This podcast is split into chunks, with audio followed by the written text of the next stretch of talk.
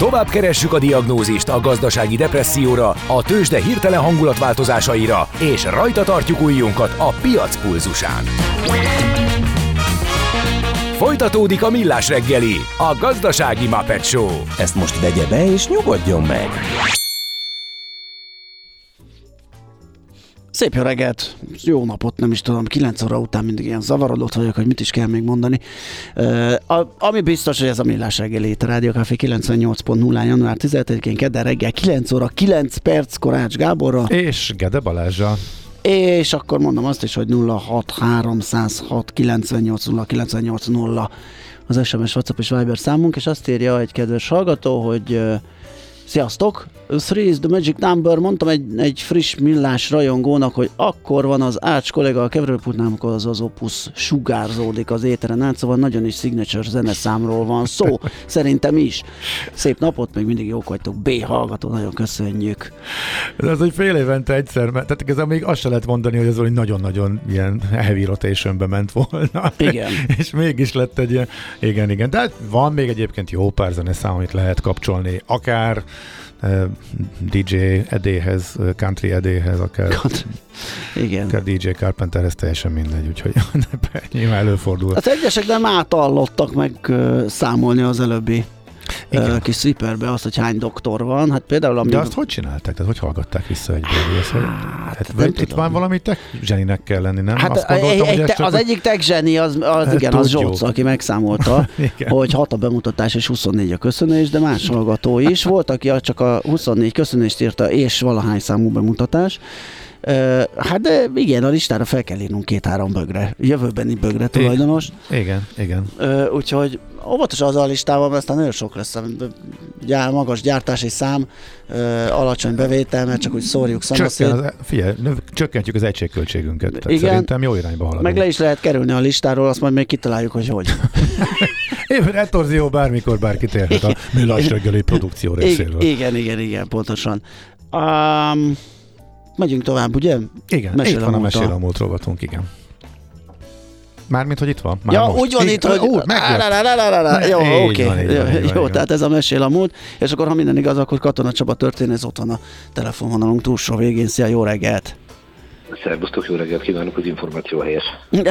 jó van, örülünk neki, és valószínűleg az is, amivel itt promóztuk a beszélgetést, ezt a rovatot, hogy Dékány Andrásról lesz szó, 120 évvel ezelőtt született 1900 1903. január 11-én, aki hát szerintem kamaszkorunk regényeinek egyik, egyik meghatározó szerzője. Ez abszolút így van, és megkockáztatom, hogy ez nemzedékeken átívelően így van, mert ugye az a bizonyos sorozat, amiről szerintem leginkább ismerik őt, ez ugye ez a tengerészes sorozat. Aha. Hát ez onnantól kezdve, hogy először megjelent, és ugye 1956 után vagyunk, tehát 1958-ban jelent meg a matrózok hajó kapitányok, és ezt követte aztán a további öt regény, tehát egy ilyen szűk öt év alatt jelent meg ez a öt összesen, tehát ami azt jelenti, hogy 56, ami azt jelenti, hogy brutális mennyiséget írt ebben a pár évben. Hát ez onnantól kezdve, hogy megjelent ez a párról fiúra szállt, ez konkrétan az én esetemben is így volt, és nagy-nagy örömmel olvastam, és mindenki tengerész akart lenni, meg aztán főleg, mert az apám ráadásul tényleg tengerész volt. Igen, tényleg, mesélted. Így innentől kezdve ez nekem adta magát, na de azért is érdekes az ő életét megnézni, mert sokkal érdekesebb az ő életem, mint hogy el lehessen azzal intézni, hogy mind, mindössze idézélben, mindössze ezeket a regényeket írta. Mert hogy semmi nem predestinálta őt arra, hogy így a tengerek felé forduljon az érdeklődésem, mert a szülőhelyét meg úgy hívják, hogy Kecskemét. Tehát... Igen, viszonylag kevés tenger mossa partjait. hát igen, tehát logikus. És még a város híres folyóját sem tudnám megemlíteni. Igen, a város híres folyója is homályban maradt. Való, valóban, tehát uh, ott valószínűleg árványhajos kolopok, betyár romantika, vagy valami hasonló, esetleg a cifrapalota, vagy hasonló igen, dolgok, igen. vagy a magyar szecesszió, de, de hát őt nem ez érdekelte valamilyen oknál fogva. Nagyjából, amit az életéről tudni lehet, hogy nem véletlenül írta meg ő ezt a témát, vagy nem véletlenül foglalkozott ezzel a tematikával, mert hogy ő azért hajózott, de nem lehet pontosan tudni, hogy hol és mikor, az viszont biztos, hogy 15 évesen 1918-ban fiúmébe kerül ugye a Corpus Separatumba, a Magyar Királyság kikötő városába, ugye ezt már többször beszéltünk erről, hogy a fiú ez egy nagyon sajátos helyzetben levő település, a anekdota szerint Fiuma az a magyar város, ahol az oroszok horvátul beszélnek. Ez jó hangzik, igen. Szépen körbeírja a helyzetet. Hát valóban a a, a őslakos magyarságról nem beszélhetünk fiúmébe értelemszerűen, ellenben egy nagyon erős olasz délszláv keveredés az viszont igenis tetten érhető, nagyon jellemző például az, hogy délszláv vezetéknév és olasz keresztnév, tehát hogy így uh-huh. kerülnek el ezek a dolgok. Egyébként ezek az identitások, ezek, ezek át és átszűrődtek, tehát az a fajta nacionalista narratív, hogy szigorúan magyar, szigorúan olasz, szigorúan horvát, ez nem létezett a gyakorlatban ezen nagyon könnyen át lehetett lendülni, és nem véletlenül volt fiúmáló tudat, de minket most nem ez érdekel, hanem az, hogy ő ide kerül, és nem máshol kezdi el a tanulmányait, az első tanévét konkrétan, tehát ugye 15 éves fejjel, mint a Fiumei Tengerészeti Akadémián, a Magyar Királyi Tengerészeti Akadémián, olasz nevén a Régia Ungárica Academia Nautica, és ugye ez a Nautica volt a közkeletű elnevezése. Aha. És ez elég egyértelmű volt, hogy hát milyen pályára akar indulni, mert hát egyszer valaki ide jár, akkor az ugye mégiscsak a tengereket célozna meg. Viszont gyakorlatilag ő 18 nyarán kerül oda, az meg egy elég problémás nyár így a köztörténetet tekintve. Konkrétan 18-12-es tanév már el sem kezdődik az akadémián. 18 végére ugye a Hungaria elveszíti a háborút, fiúmét idegen csapatok szállják meg, és itt impériumváltások sora következik be. Mint ha valakit ez érdekel, akkor jó szívvel javaslom pár évvel ezelőtt jelent meg Egál Lajos naplója, ő fiúmének az utolsó magyar kormányzó helyettese volt, de facto kormányzója, mert a kormányzó elhagyta az mm-hmm. Ottasi Ágnes kolléganőmnek az értő gondozásába. Hihetetlen, hogy mekkora milyen pontos képet ad egy magyar felelősséget vállaló tisztviselő szempontjából az összeomlás időszakáról. Persze magyar oldalról is az összeomlás, más Igen. oldalról is, meg nem feltétlenül az. De visszatérve a lényegre, ő gyakorlatilag innentől kezdve ugye nem tudja befejezni ezt az iskolát, és az a néhány hónap, amit ott tölt, az viszont elképesztő módon meghatározta dékányolás gondolkodását, és ezek az élmények köszönnek vissza a matrózok hajó kapitányokkal kezdetét vevő sorozatból, amit ugye egyes szám első szemében ír meg, és saját magát olaszosan Andreaként nevezi meg ezekben a kötetekben, ezekben a könyvekben. De hát ezzel együtt haza kellett térnie, és ugye ezeket a köteteket jóval később, 40 év után írta meg, és alapvetően aztán Budapesten kötött ki.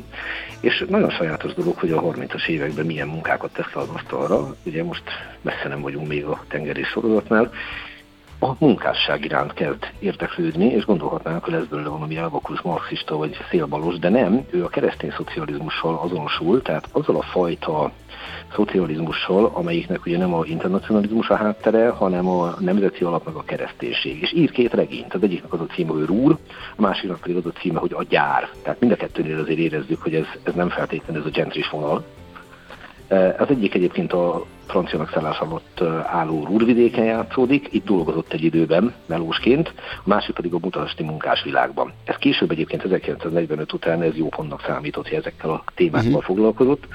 Az kevésbé, hogy gyerekkorában rengeteget, rengeteg időt töltött a nagyszüleinél Észak-Magyarországon, amiből aztán később ugye Csehszlovákia lett már a déli Csehszlovákia déli részét, a mai Szlovákia. Tátrai tüzek címmel novellás kötetet írt az itteni megemlékezésről, de nagyon sok mindent csinált, még Nagy Péter cárul írt egy humoros színdarabot, az a cím, hogy Arany sziget, átdolgozta a Ludas Matyit, azt is színpadra vitte, egyébként ő bizonyos Jávor Pál volt ennek a főszereplője ennek a darabnak, akit egyébként Dékány a nyilasok elől később bújtott a nyaralójában. Uh-huh. Ezzel egy nagyon jó kapcsolat. Igen, jó kapcsolat volt.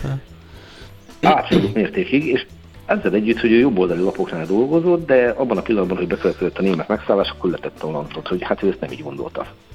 Ez, ez nem nem az a világ, tehát ez, ez a nácizmus, fasizmus, ez, ez távol, élt, távol áll tőle. Foglalkozott viszont a cserkészettel, Lord Baden Powellről, ugye a legendás Pipiről szintén könyvet írt, tudósítóként, mert több lapnál dolgozik, ugye ott van akkor, amikor a, a felvidékben a Kárpátalja visszacsatolása bekövetkezik, és hát 1945 után mindezek nem feltétlenül jó pontot jelentettek az ő életébe, hogy finoman fogalmazzak. Uh-huh és igazából a sajtóból is kiszorul, de egy valamire azért emlékeznek, ez pedig a két regénye, ez a Rúr meg a gyár. Tehát, hogy azért a munkásokkal csak szimpatizált, mégse az uralkodó osztály pártján állt, és hát egy legalább egy minimális szerepet kap, nagyon-nagyon nyilvános szereplés nem, de például fölkérik arra, hogy írjon szöveget egy Rákóczi Ferencről szóló daljátékhoz, és ez lesz a Csínon Palkó. Ami aztán nagy sikert arat, de nagyon jellemző, hogy a, a zeneszerző Farkas Ferenc Kapkosú díja Dékán véletlenül se, mert, hát azt azért mégse. Ebből egyébként 1973-ban lesz egy kiváló film is.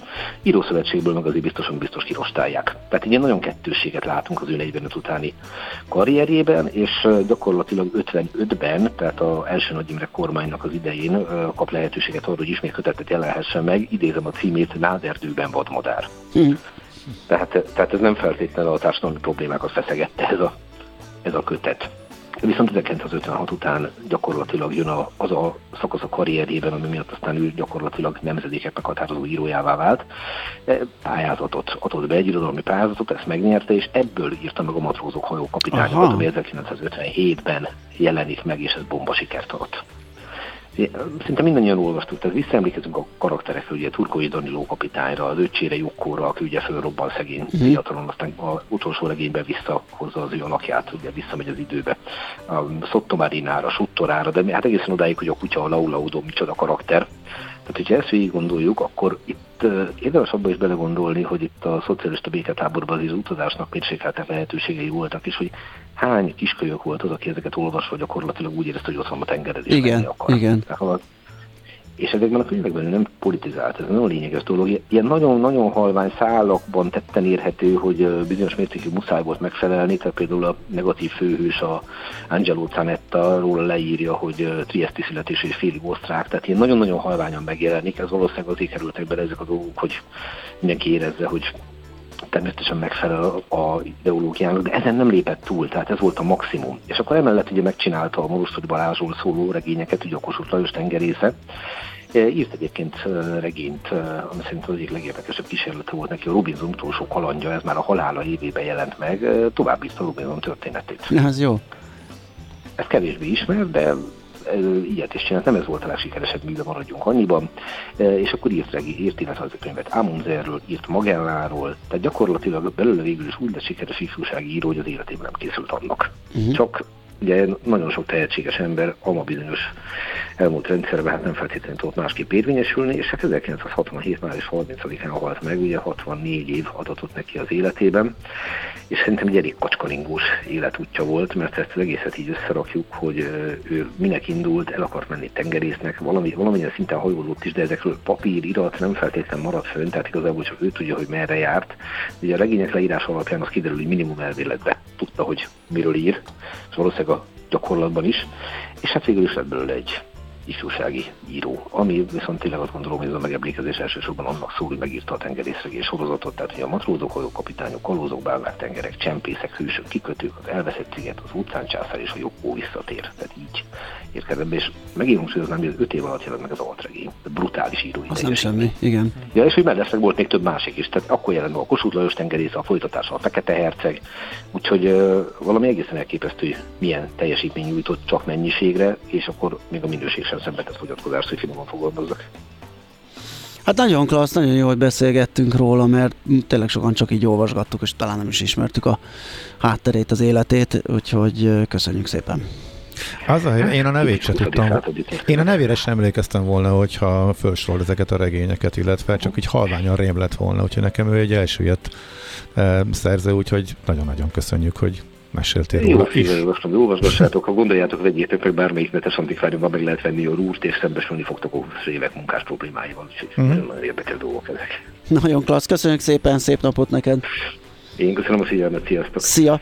Katona Csaba történésszel beszélgettünk az 1903. január 11-én született Dékány Andrásról, aki kiváló író, újságíró, és uh, valószínűleg tengerész is volt, meg még sok egyéb minden más. Becsengettek brókerek!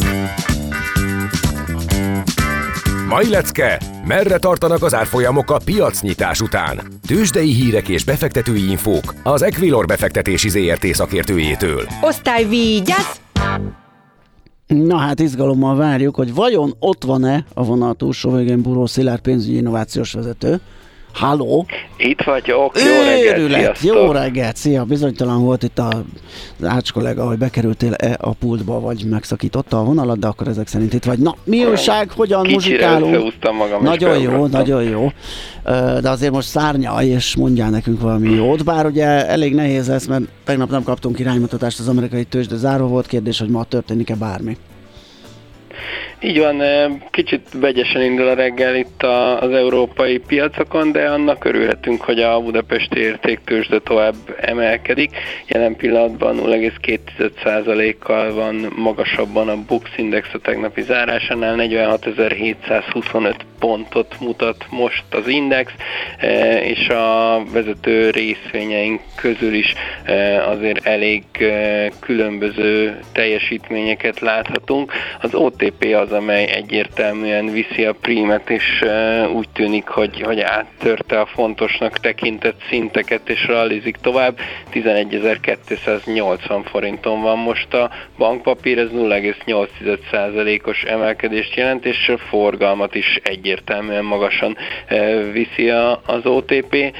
Mellette a Richter, most éppen láttak, de 0,1%-os csökkenése van most a Richternek, így 8530 forinton, úgyhogy most már csak az OTP maradt pluszba a bucsipek közül, a MOL 0,4%-kal csökkent 2698 forintra, és a Magyar Telekom 0,7%-os visszaesése is jelentősnek mondható 363,5 forinton van most. A kisebb részvények közül viszont van egy-kettő, ami egész jól teljesít, az Opening 2%-kal emelkedett, a Graphisoft 1%-kal, sokkal, e, úgyhogy ők, ők még amik javítják a képet, de összességében azt kell mondani, hogy az OTP az egyetlen, ami vállán viszi most a, a budapesti Hát ahhoz az, ahogy az időnként elő szokott fordulni, ugye? Igen. Uh, Európában mi a helyzet? Ugye 2% os pozitív elmozdulást mondtál idehaza index szinten, ott mi újság? A elég vegyesek az indexek, nulla körül van azért a legtöbb, inkább mínuszba talán most 0,1% körül van a DAX például, a londoni is hasonló, francia egészen minimális párpontos De egy kicsit ez olyan várakozás, hogy mit csinál majd Amerika, ugye? Igen, így van, így van, így van, tehát ahogy említetted a tegnapi amerikai szünnap miatt most azért keressük a, az irányt és várjuk a, az iránymutatást, habár ugye reggel Kínából jöttek ki fontos adatok, Aha. és a, a várakozásokhoz képest jobbak lettek, ugye a GDP, kiskereskedelmi eladások is egyaránt jóval felülmúlták az elemzői várakozást, de azért összességében nézzük a teljes tavalyi évre azért komoly mélyponton volt a, a kínai gazdaság, hiszen a, a 2020-as Covid évet követően az elmúlt 40 év legrosszabb teljesítménye volt a GDP szempontjából, de, de mondom a várakozásoknál valamivel valamivel jobbak lettek, tehát azért ez, ez talán adhat egy kis pluszt. Hát igen, a 3 százalék az ugye az nem, nem, nem ilyen kínai mérce, nem vagyunk hozzászokva, igen, ez ilyen van, fejlett piaci úri huncutság 3 százalékkal növekedni, nem, nem, nem egy kínai tempó, de hát most ennyi jutott. Majd meglátjuk, hogy az idén esetleg ugye a Covid cigarettások lazítása után lesz-e valami erőteljesebb. A forint piacon, devizapiacon mi újság? Egyelőre viszonylag csendesen indult a nap, 400 alatt vagyunk továbbra is, most éppen 399.50-nél az euró forint, egy icipici gyengülés van azért a tegnapi 398 körüli árakhoz képest.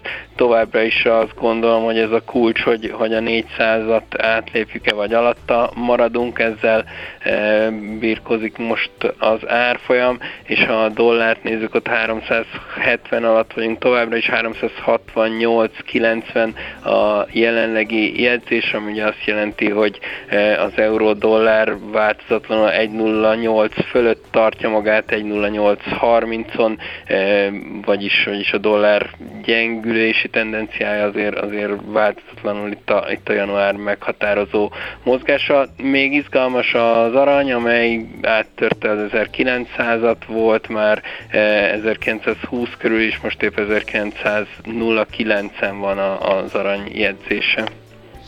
No jó, akkor megnézzük majd mi lesz délután fél háromtól, amikor is kinyit a fél négy az, az amerikai piac, akkor hát ha jobban megélénkül a kereskedés. Köszi szépen a beszámolódat, szép napot! Köszönöm, szép napot, sziasztok! Szia! Buró Szilárd pénzügyi innovációs vezető számolt be nekünk a tőzsdei árfolyamokról. Tőzsdei hírek és befektetői infók a Rádiókafén, az Equilor befektetési ZRT szakértőjétől. Jövő órán témazáró.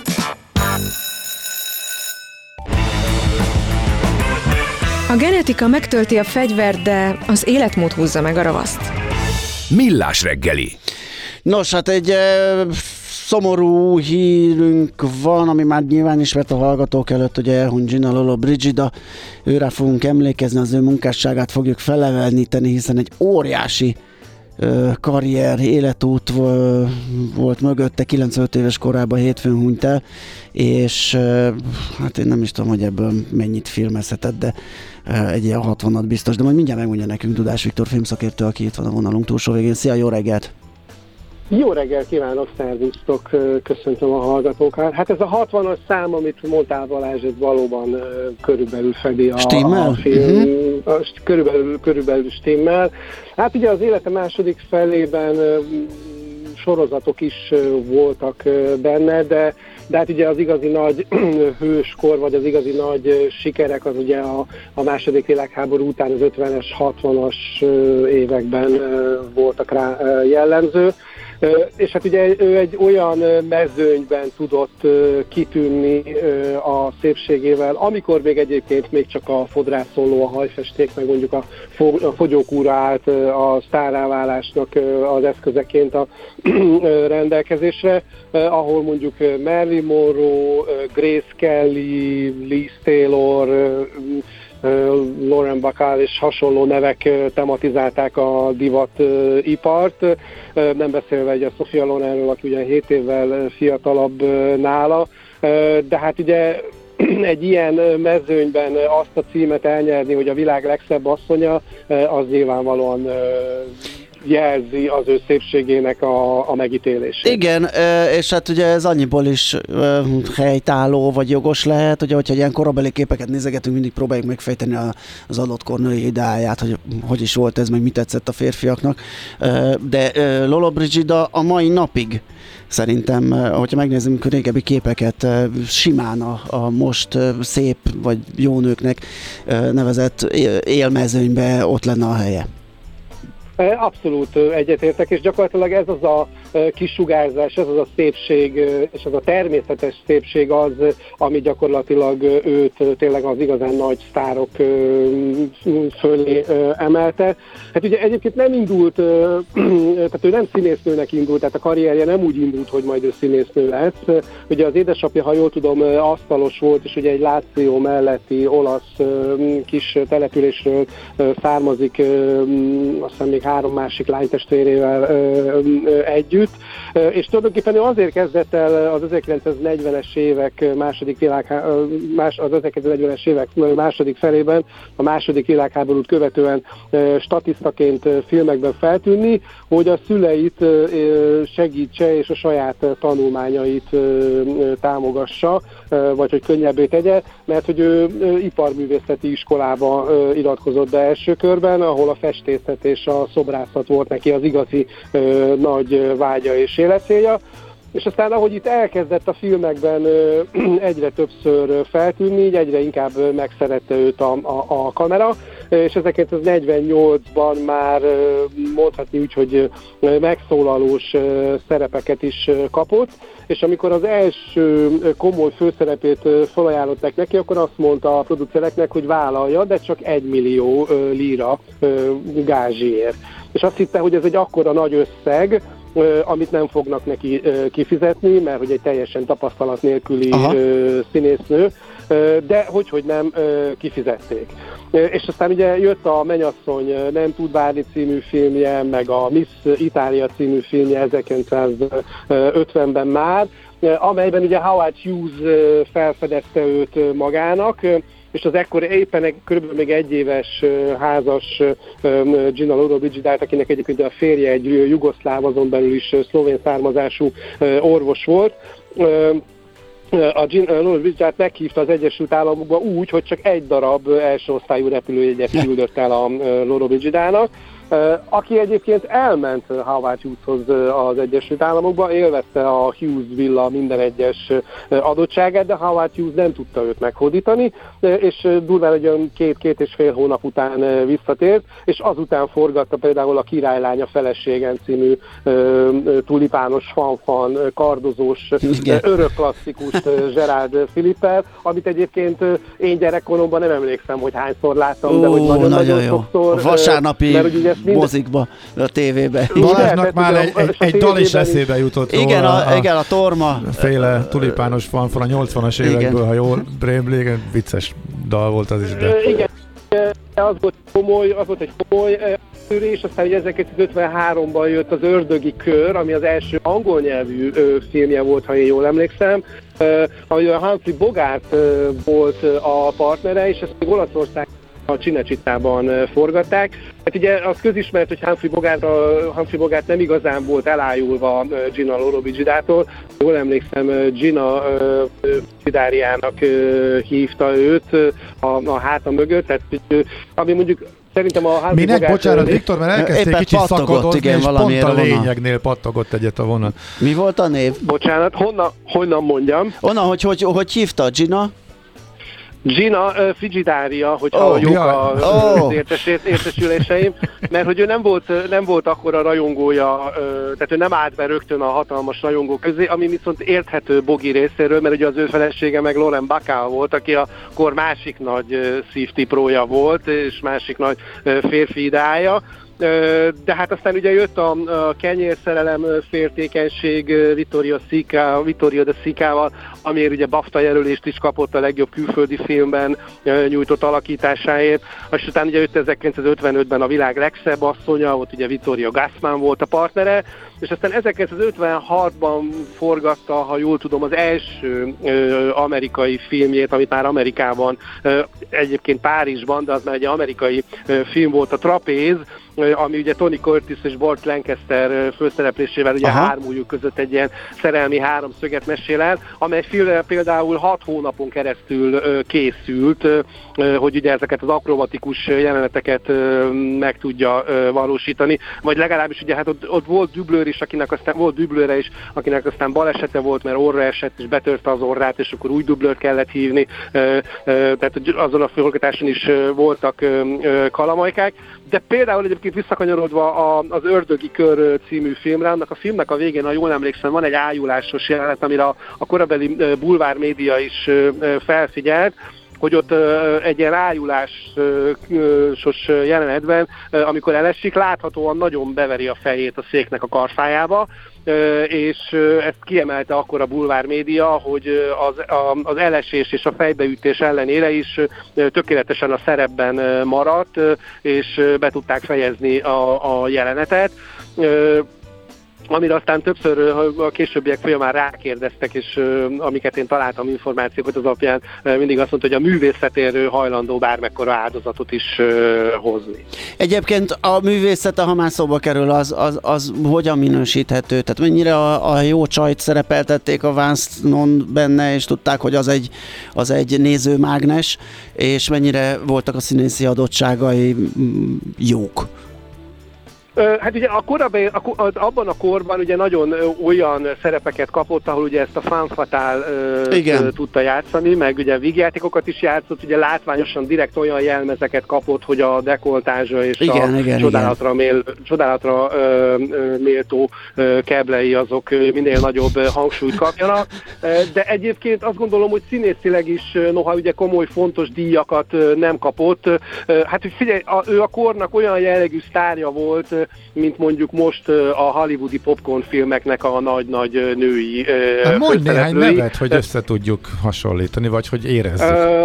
Hát most figyelj, azért, azért kérdezel nehezet, mert ugye a mai menetek között már most, hogyha azt mondjuk, hogy szépségidál, akkor azért előbb-utóbb valami rangos díjat csak kap bárki, mert ugye most mit tudom én, két Blanchett, vagy két Winslet, mm-hmm. vagy szóval Jennifer Lawrence, tehát ugye őket a szépségükért is imádjuk, de, de az már nem elég. már a filmipar de, a, de ma már a filmipar azt gondolom, hogy egy picit másabban áll a sztárokhoz, mint uh-huh. abban az időben. Abban az időben nem feltétlenül az volt, hogy csak a, a, a, a, a díjakban legyen mérhető egy sztárnak a falsúlya, hanem az eladott mozijegyek arányában. Hát ugye elsők között volt, vagy hát az európai színésznők közül az elsők között volt Hollywoodban, akinek már a karrierje csúcsán olyan szerződést kínált Hollywood, hogy a bruttó bevétel 10%-a volt a gázsia, és saját maga választhatta meg a rendezőt és a többi főszereplőjét a filmnek, Hú. ami azért abban a korban nem igazán volt jellemző. Mert, Igen, hogy most, még, elég, most elég még van ilyen, Viktor? Most még van? Van, most már egyre inkább van, hogy a női sztárok is, ugye a MeToo mozgalomnak köszönhetően, ugye most már a női sztárokat is sokkal jobban megbecsülik, uh-huh. de ő pont emiatt volt egyébként ennek a, ennek a mozgalomnak, ha lehet így fogalmazni, az egyik élharcosa, mert hogy ő egyébként mindig is sokat kritizálta a Hollywoodot, meg a filmipart, amit ugye többségében férfiak irányítottak, pláne az 50-es, 60-as, de még a 70-es, 80-as, 90-es években is, és azt mondta, hogy ő, nagy, tehát ő mindig is hadakozott az ellen, hogy a férfiak még a női esztétikumot is meg akarják határozni, és mindenbe beleszólnak, Ugyan ő kivételes helyzetben volt, mert neki mind, világéletében mindig számos rajongója volt, és mindig voltak románcai, mindig voltak afférjai az életében, tehát ő kifejezetten elkényeztetve volt a férfi rajongók terén, de egyébként ő folyamatosan ki is állt amellett, hogy egy nőt nem feltétlenül csak a szépségért, hanem a, az esze miatt és a rátermettsége miatt is illik tisztelni.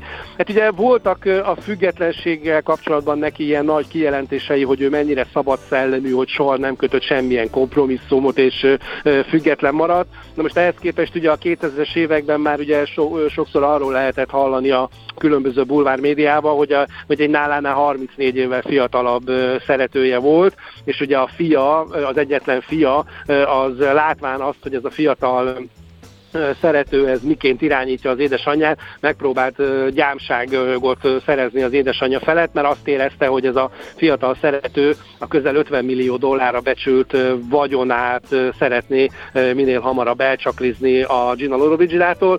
Aztán az nem egyértelmű, hogy végül ezzel a fiatallal összeházasodott, vagy nem házasodott össze, ez a fiatalember később azt mondta, hogy összeházasodtak, de aztán ezt bíróságon beperelték, és aztán végül is nem így lett. De hogy némileg csillapítsa az ilyen jellegű vádakat. Ha jól emlékszem, 2013-ban az összes ékszerét eladta Lollobrigida, ami közel 5 millió dolláros bevételt hozott neki, és ezt az egész összeget úgy, ahogy van, az őssejt kutatásra adományozta. Tehát azért nem mondhatni azt, hogy ő egyébként egy ilyen nagyon-nagyon önző személyiség lett volna mert hát az ékszereinek a, a, a be, az ékszereiből származó bevételt ugye jótékony célokra fordította. Mhm. A magánéletéről egyébként még mit tudni, mert talán ez a két legismertebb sztori, ez a fiatalabb ö, szerető, meg, meg az afféra a, a milliómossal, Howard Hughes-zal, aki be nem jött össze a párti, Ö, igen, hát ugye még a karrierje elején, ha jól emlékszem, 1949-ben házasodott össze egy jugoszláv, azon belül is szerb, vagy azon kívül azon belül is szlovén származású orvossal, akivel aztán a 70-es évek elejéig voltak házasok, és a férj nagyon hamar föladta az orvosi karrierét, hogy a felesége menedzsere legyen, de aztán a 70-es években, amikor ugye már mondhatni azt, hogy a, a sikerei csúcsán túl volt, akkor, akkor elváltak. Hát ugye érdekes, hogy 73-tól 84-ig visszavonult a, a filmkészítéstől, és ugye a fényképészetnek szentelte az életét, és nagyon sok híres portrét is fotózott, többek között Paul Newmanről, Salvador Dariról, de még Audrey Hepburnről, meg Ella Fitzgeraldról is, ugye Henry Kissingerről is, és ugye Fidel castro a bizalmába is tudott kerülni, és azon túl, hogy egy nagyon remek fotosorozatot készített Castroról, még egy dokumentumfilmet is forgatott, amelyben ugye ő maga volt a, a, a riporter, és érdekes módon 84-ben tért vissza a Falcon Crest amerikai sorozat 5 epizódjában, egy olyan szerepben, amit egyébként Sofia Lorennek írtak,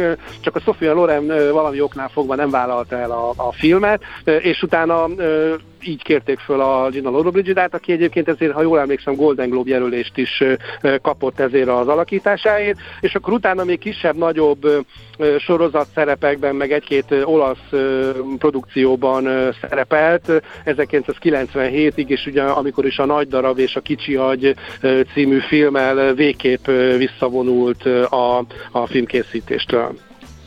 Ugye aztán ö, politikai karrierje is volt, ugye 1999-ben Európa parlamenti képviselőnek jelöltette magát ö, Olaszországban, ö, ugye a, a közelmúltban meg olasz parlamenti képviselőnek. Most ezek a próbálkozásai sajnálatos módon, vagy hát mondjuk így szerencsére ö, nem jártak ö, sikerrel, de mondjuk Olaszországból tudunk ö, még olyan példát mondani ö, neves ö, színésznőre, ö, ö, aki ugye politikai ö, karriert ö, próbált, vagy futott be.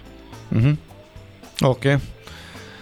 Balázs, Én? van még kérdésed? Ö, hogy, mert ez mondok, kerek- még, mondok még egyébként, mert például van, tehát ha most híres filmjeit kell felelevenítenek, ugye 1959-ben ö, volt Hát, ha például abba a belemennénk, akkor a- az... Jó, az még sokáig tartana, de még akkor emeljük egy-kettőt, igen, igen, igen. A Salamon és a Sába királynője, a Sose Mhm. kevesebbet, vagy a Mr. September. Te hányat láttál, van Viktor? 68-ból. Hát majdnem, majdnem a, az összeset, ami Magyarországon Aha. föllelhető volt, mert azért, hát ugye szerintem az én generációmnak a, hogy is mondjam, csak a, a férfi identitásához a Lollobrigida hát. azért nagy mértékben hozzátartoztak.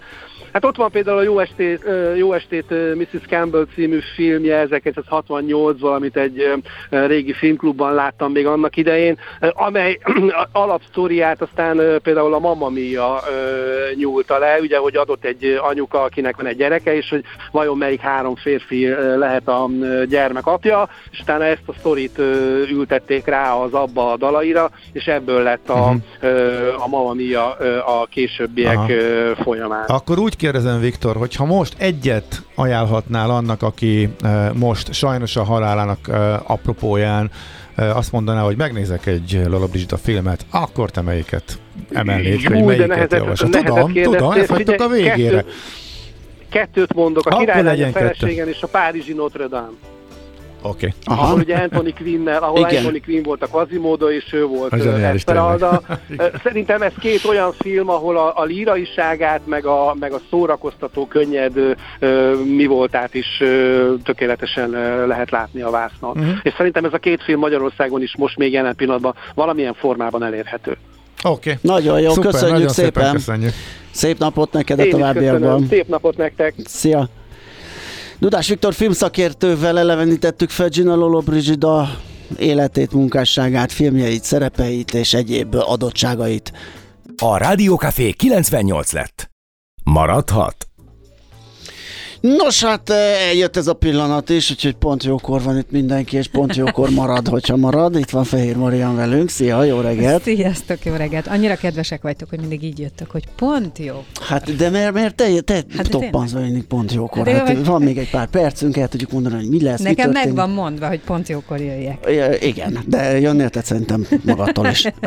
Mi lesz Igen. itt tíz után? Hát most az lesz, hogy a napemberében képzeljétek el, hogy öm, nekem fontos, hogy fiatal tehetségeket is bemutassunk, mert tudjátok, én nagyon, nagyon nem szeretem azt, biztos ismertek a szakmából ezt, hogy jaj, ő, őt ne rakjuk óriás plakátra, ő ne legyen műsorvezető, mert nem ismeri senki. Uh-huh. Oké, okay, csak hogy fogja megismerni? Tehát, hogy én Persze. azt gondolom, hogy ez ugyanez... Igen, ezt nehéz átlépni, áttörni. Igen. I- igen, de ezt Igen. a színészek is erre gyakran panaszkodnak, hogy még nem vagyok elég ismert, de hát nem is leszel, ha nem raknak be Igen, ez olyan, sehova. mint bármilyen álláshirdetésben keresünk, a nem tudom, olyan két-három éves tapasztalattal, de soha nem tudjuk megszerezni azt a tapasztalatot, mert a Igen. junior nem érdekel Igen, minket. 20 éves, több éves tapasztalattal rendelkező. Igen. Igen. És én azt gondolom, hogy ez fontos, Mhm. uh-huh. és nekem egyébként több olyan volt a pályámon, hogy fiatalokat bemutattam, és aztán mit a dég országosan ismert lett, és akkor ez egy Na, tök jó példákat, érzés. példákat. Hát például Járai Máté. Ő Igen, ilyen. ez szóba is került a ő, ő, beszélgetésetekben. ő, is, Igen, ő is egy ilyen típus. Uh-huh. Na, és egy fiatal énekesnőt, egy 22 éves énekesnő, énekesnőt hívtam, Gál Zsófit, akit én egyébként a Szolnoki Péterrel az ünnepekre készített duettjéből szúrtam ki magamnak. Ö, Úgyhogy Zsófival most fogunk beszélni. Igen, igen, itt volt a Ugye? Péter is. a Bomba musical, meg minden volt. héten, Igen, Igen. és akkor Igen. néztem az ő duettjeit, mert hogy ő meg ugye sokat szerepel másokkal, és ebben láttam ezt a fiatal lányt, és elhívtam, és gondoltam, hogy beszéljünk arról, hogy egy vidékről jövő, most 20 éves, egyébként erre a pályára nagyon vágyó, 5 éves kora óta ezért zongorázó és tanuló kislánynak milyen lehetőségei vannak, illetve hát mit kell beletenni, ami biztos, és már kiderült számomra az, hogy rengeteg rengeteg munkát. Tehát nagyon-nagyon-nagyon kell ezt akarni. Szerintem mindenkinek hát, nagyon érdekes lehet, igen. aki hasonlóan gondolkodik, illetve aki Tehát a 6-8 órás gyakorlás napi uh-huh. szinten az van. Aztán utána pedig ö, Regős Judit lesz itt, ő a Szülőkháza Alapítvány elnöke, és amikor kicsik voltak a gyerekei 16 évvel ezelőtt, akkor ö, találta ki, hogy csinál egy ilyen családi, közösségi teret, Aha egyrészt önmagának is, illetve a körülötte élőknek a, az életét megkönnyítve, és akkor ez odáig fejlődött, hogy mára már ENSZ tagságot kapott civil szervezet, ami azt jelenti, hogy felhatalmazása van egy csomó mindenre, többek között arra, hogy részt vegyen az ENSZ népjóléti stratégiájának a kilakításában, nők és gyermekek ügyében, és így tovább, és így tovább. Szóval, hogy nagyon-nagyon nagyra fejlődtek, nőttek, és közben a mai ez napig Ez pontosan? Tehát ez jó hangzik, meg értem, hogy családi meg közösségi tér, de mi folyik ott? Hát ez a 11. kerületben van, illetve azt hiszem, hogy több helyen uh-huh. már tulajdonképpen közösségi élet, bölcsöde, aha, aha. Ö, különböző mm, korosztályoknak megfelelő szabadidős programok, tanácsadás, és így tovább, tehát minden, amiben segíteni tudják a, a, a családokat és a szülőket, és ebben, ha olyan van, akinek támogatásra van szüksége, abba is van, Aha, arra is klassz. van lehetőség, és így tovább, és így tovább. Szóval sok minden uh-huh. zajlik itt. És uh, ha már itt lesz a Judit, mivel családi tanácsadó, gondoltam, hogy az iskolafóbiára is rá kérdezek, mert olvastam egy cikket azzal kapcsolatban, hogy iskolafóbia már pedig van. Ez egy létező hm, Biztos, dolog. hogy van. Érdekes. tudom és... igazolni. Na. nekem, is nekem, is van, nekem is van erre emlékem. Na, hát Jó, van, ez klassz ez megint, oké, okay, nagyszerű, akkor utánunk jöttök is, mi pedig szerintem el is búcsúzunk, ahogy igen, az órát Igen, nézem, ugye? az időnk uh-huh. most éppen. Akkor hírek jönnek, utánunk pont jókor, meg még egy csomó minden klassz itt a Rádió Cafén, úgyhogy ha tehetitek, maradjatok itt a csatornán, rádiózatok, és hát ott helyenként az irodaház ablakán valami napfényszerűség csillan, úgyhogy reménykedhetünk valami. Néhány és... óráig ez lesz, este jön az újabb csapadék. Így, így van. van. Szép napot mindenkinek, sziasztok! Köszönöm, Már a véget ért ugyan a műszak, az ügyelet azonban mindig tart. A sürgősségi és félig zárt osztályon holnap reggel újra megtöltjük a kávésbögréket, és felvesszük a piaci stetoszkópot. Addig is keressetek minket közösségi rendelőnkben a Facebookon, a mai adás podcastjét pedig a rádiókafé98.hu és millásreggeli.hu oldalakon, a Spotify-on és a Google Podcast-en. Millás reggeli. A Rádiókafé gazdasági Muppet Két dologban bízhatsz. Az egyik mi vagyunk. A Millás reggeli főtámogatója a Schiller Flotta Kft. Schiller Flotta is rendtakár. A mobilitási megoldások szakértője a Schiller Autó tagja.